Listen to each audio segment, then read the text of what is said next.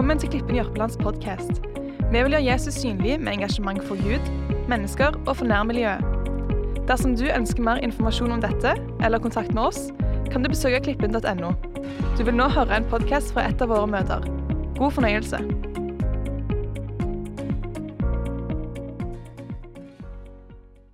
God dag, alle sammen, og riktig god påske. Nå er vi helt på tampen på andre påskedag. Dette er jo en påske hvor ingen har reist på ferie, eller i hvert fall ikke ut av kommunen sin. I dag skulle det vært lange køer hjem, men det er nok ganske fint å ut og kjøre i dag.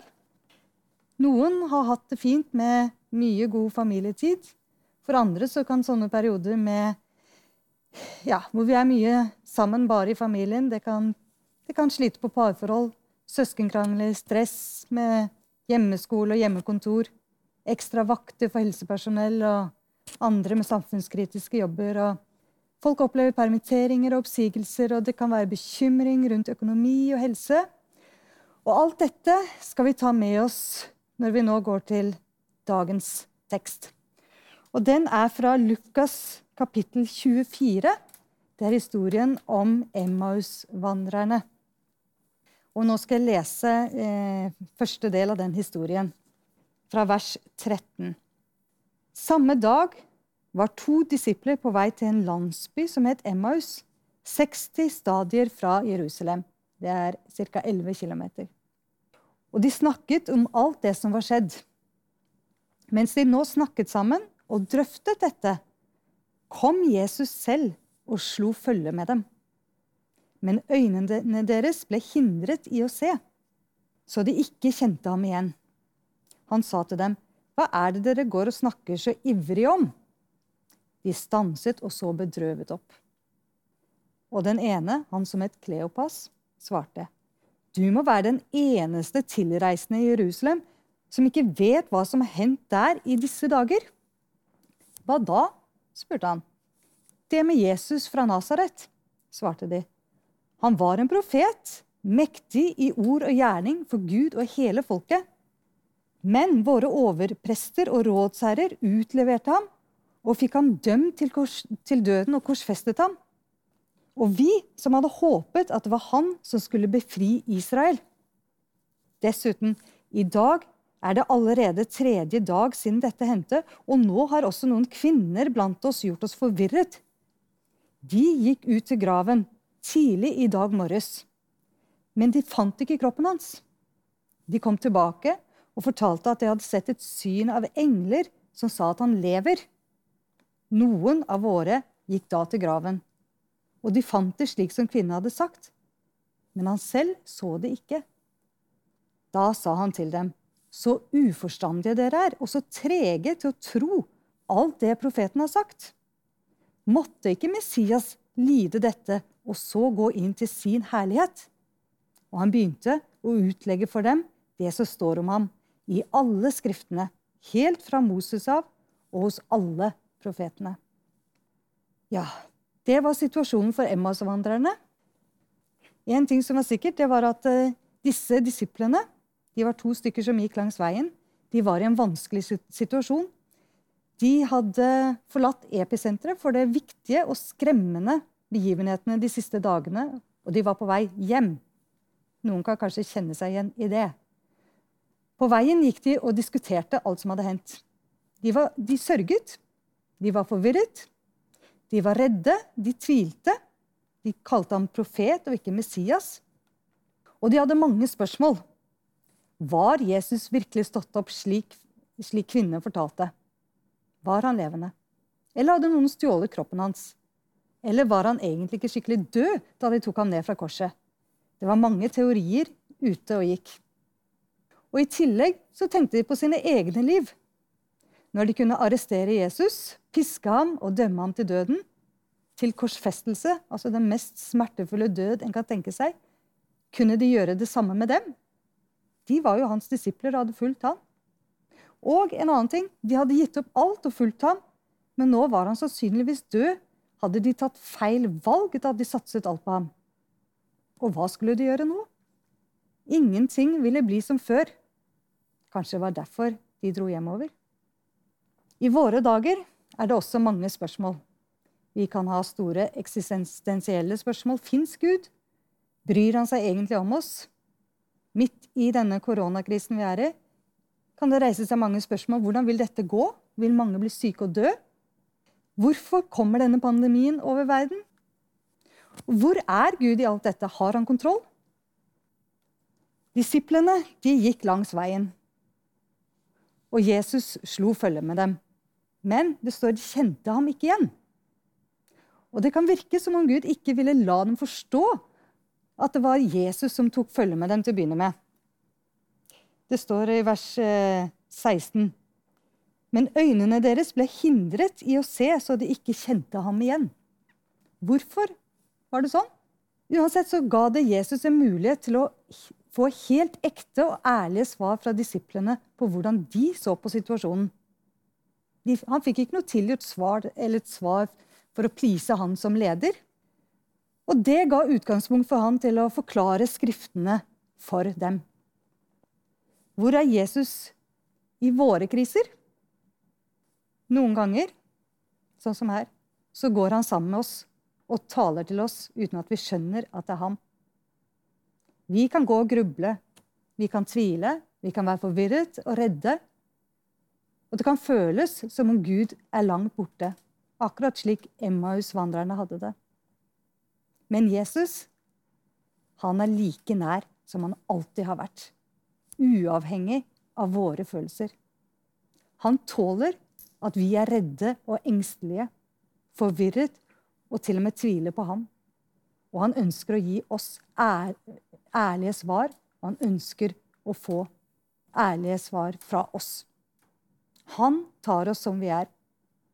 Han ønsker ingenting påtatt eller pyntet på. Men så vil han komme til oss, og han vil tale til oss. Hvordan da? Gjennom sitt ord. Det står i vers 27, som vi leste i stad. Og han begynte å utlegge for dem det som står om ham i alle skriftene, helt fra Moses av og hos alle profetene. Og Her er det jo da en liten forskjell på disse heldige Emmaus-vandrerne og oss. Til dem kom han og la ut skriftene mens de gikk der langs veien. Og der skulle jeg gjerne vært. Men vi, vi må velge å søke ham i skriftene selv. Hvilke skrifter da? Det sto at Jesus utla for dem alt det som er skrevet om ham i alle skriftene. Med andre ord, vi trenger å lese alle skriftene, eller alle bøkene som fins i Bibelen. Ikke bare noen pyntevers eller mannakorn. Dere vet sånne små esker hvor man trekker opp et vers, og så Å, der fikk jeg et fint uh, bibelvers. Det passet til meg. Men hele Guds ord, det ønsker Gud at vi skal, skal lese. Summen av Guds ord er sannhet, sier Bibelen. Vi kan lese om én side av en sak, og Hvis vi bare leser om det, så, så får vi et skeivt bilde. Men hvis vi leser hele Guds ord, så får vi et godt bilde av hvem Gud er. Men den tjukke, røde tråden i Bibelen den blir klarere og klarere. Det er Guds kjærlighet til mennesker og hans redningsplan for oss. Og da blir det litt mindre viktig å ha alle svarene når det gjelder f.eks. endetiden. Til syvende og sist er vi mennesker og ikke Gud, og det står at hans veier er høyere enn våre veier, og hans tanker er høyere enn våre tanker. Og det tenker jeg at eh, jeg kan forholde meg til. La oss lese videre i teksten fra vers 25. Skal vi se Beklager, fra vers 28. De nærmet seg nå den landsbyen de skulle til, og han lot som han ville dra videre. Men de ba ham inntrengende, bli hos oss. Det lir mot kveld, og dagen heller. Da gikk han med dem inn og ble hos dem. Og mens han satt til bords med dem, tok han brødet, ba takkebønnen, brøt det og ga dem. Da ble øynene deres åpnet, så de kjente ham igjen. Men han ble usynlig for dem. Her leser vi at Jesus later som han ville gå videre. Hvorfor det? Men uansett, Emmaus-vandrerne de inviterte han inn. Ja, de nærmest insisterte på at han skulle bli med dem inn. Det er en forskjell på å møte en tilfeldig person ute på gata og gå og prate, og invitere noen inn til et personlig fellesskap. Det er det Jesus blir invitert med. De forlater det offentlige rom. Han kommer inn i det personlige. De skal dele måltid sammen, og han skal overnatte, han skal sove hos dem. Og idet Jesus bryter brødet, på samme måte som han hadde gjort noen dager tidligere på skjærtorsdagen, så åpnes øynene deres, og de forstår at det er Jesus som er sammen med dem. Vi ser at Jesus ble åpenbart for Emmaus-vandrerne da de inviterte ham inn til en personlig relasjon. Jesus var med tidligere, men da skjønte de jo ikke at det var Jesus. Hvis vi ønsker å se Jesus i våre liv, må også vi invitere ham inn. Inn i våre hjerterom. Han presser seg aldri på. Det var derfor han lot som han ville gå videre.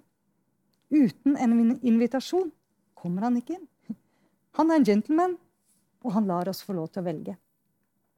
Men han er der alltid, klar til å komme inn og dele fellesskap med oss om vi ønsker det. I Johannes' åpenbaring 3,20 så sier Jesus, Se, jeg står for døren og banker. Om noen hører min røst og åpner døren, vil jeg gå inn til ham og holde måltid med ham og han med meg. Det er det, den invitasjonen som går ut fra Jesus.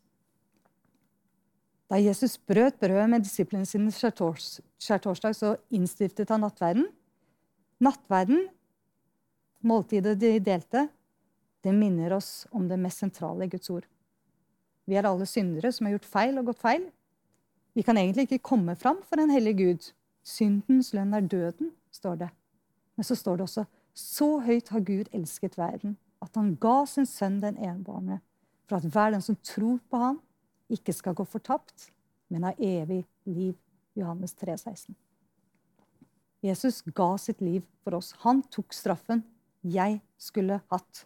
Hans kropp ble brutt for meg. Det er brødet som vi bryter. Hans blod, vinen som vi drikker, det rant for meg. På korset rant det fra hans rygg, fra hans hender, fra hans føtter, fra hodet med tornekronen, fra såret i hans side. Når vi inviterer Jesus inn, enten det er for første gang eller det er noe vi gjør hver gang vi kommer til ham som troende, så kan vi gjøre det fordi Jesus døde for meg, og fordi han sto opp igjen.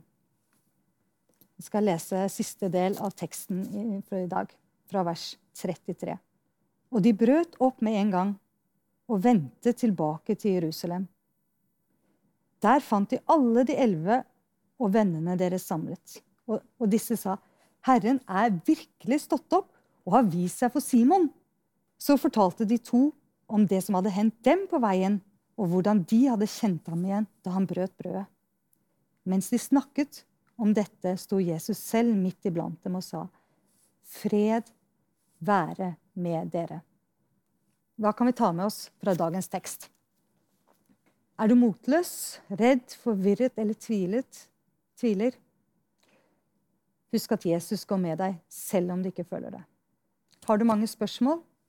Les Bibelen. Hele. Det vil jeg anbefale. Husk at summen av Guds, Guds ord er sannhet. Og i tillegg så er det en veldig spennende bok, som i hvert fall jeg aldri blir ferdig med.